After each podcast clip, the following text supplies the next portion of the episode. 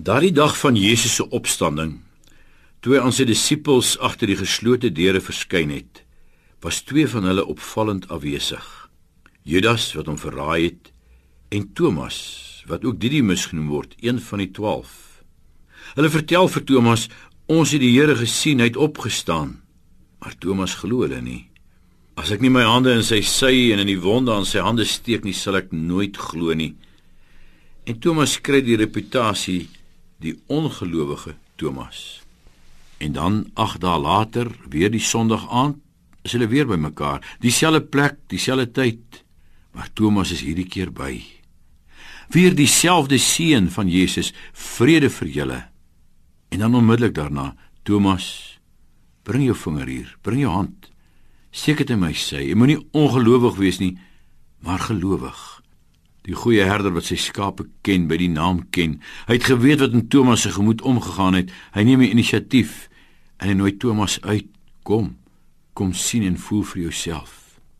Thomas doen dit nie eers nie. Hy stamel in verwondering die heerlike belydenis uit: "My Here en my God." Die eerste keer dat Jesus so genoem word. In sy opstanningsgeloof is Thomas nou die ander voor. En dan Jesus se bekende woorde: Omdat jy gesien het Thomas het jy geglo. Salig is die wat nie gesien het nie en tog geglo het. Hier het ons die hart van die openbaring van die Here deur hierdie gebeure.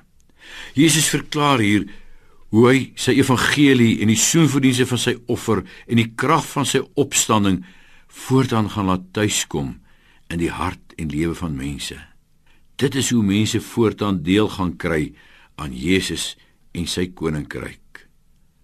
Hy verskyn aan Thomas ter wille van jou en my.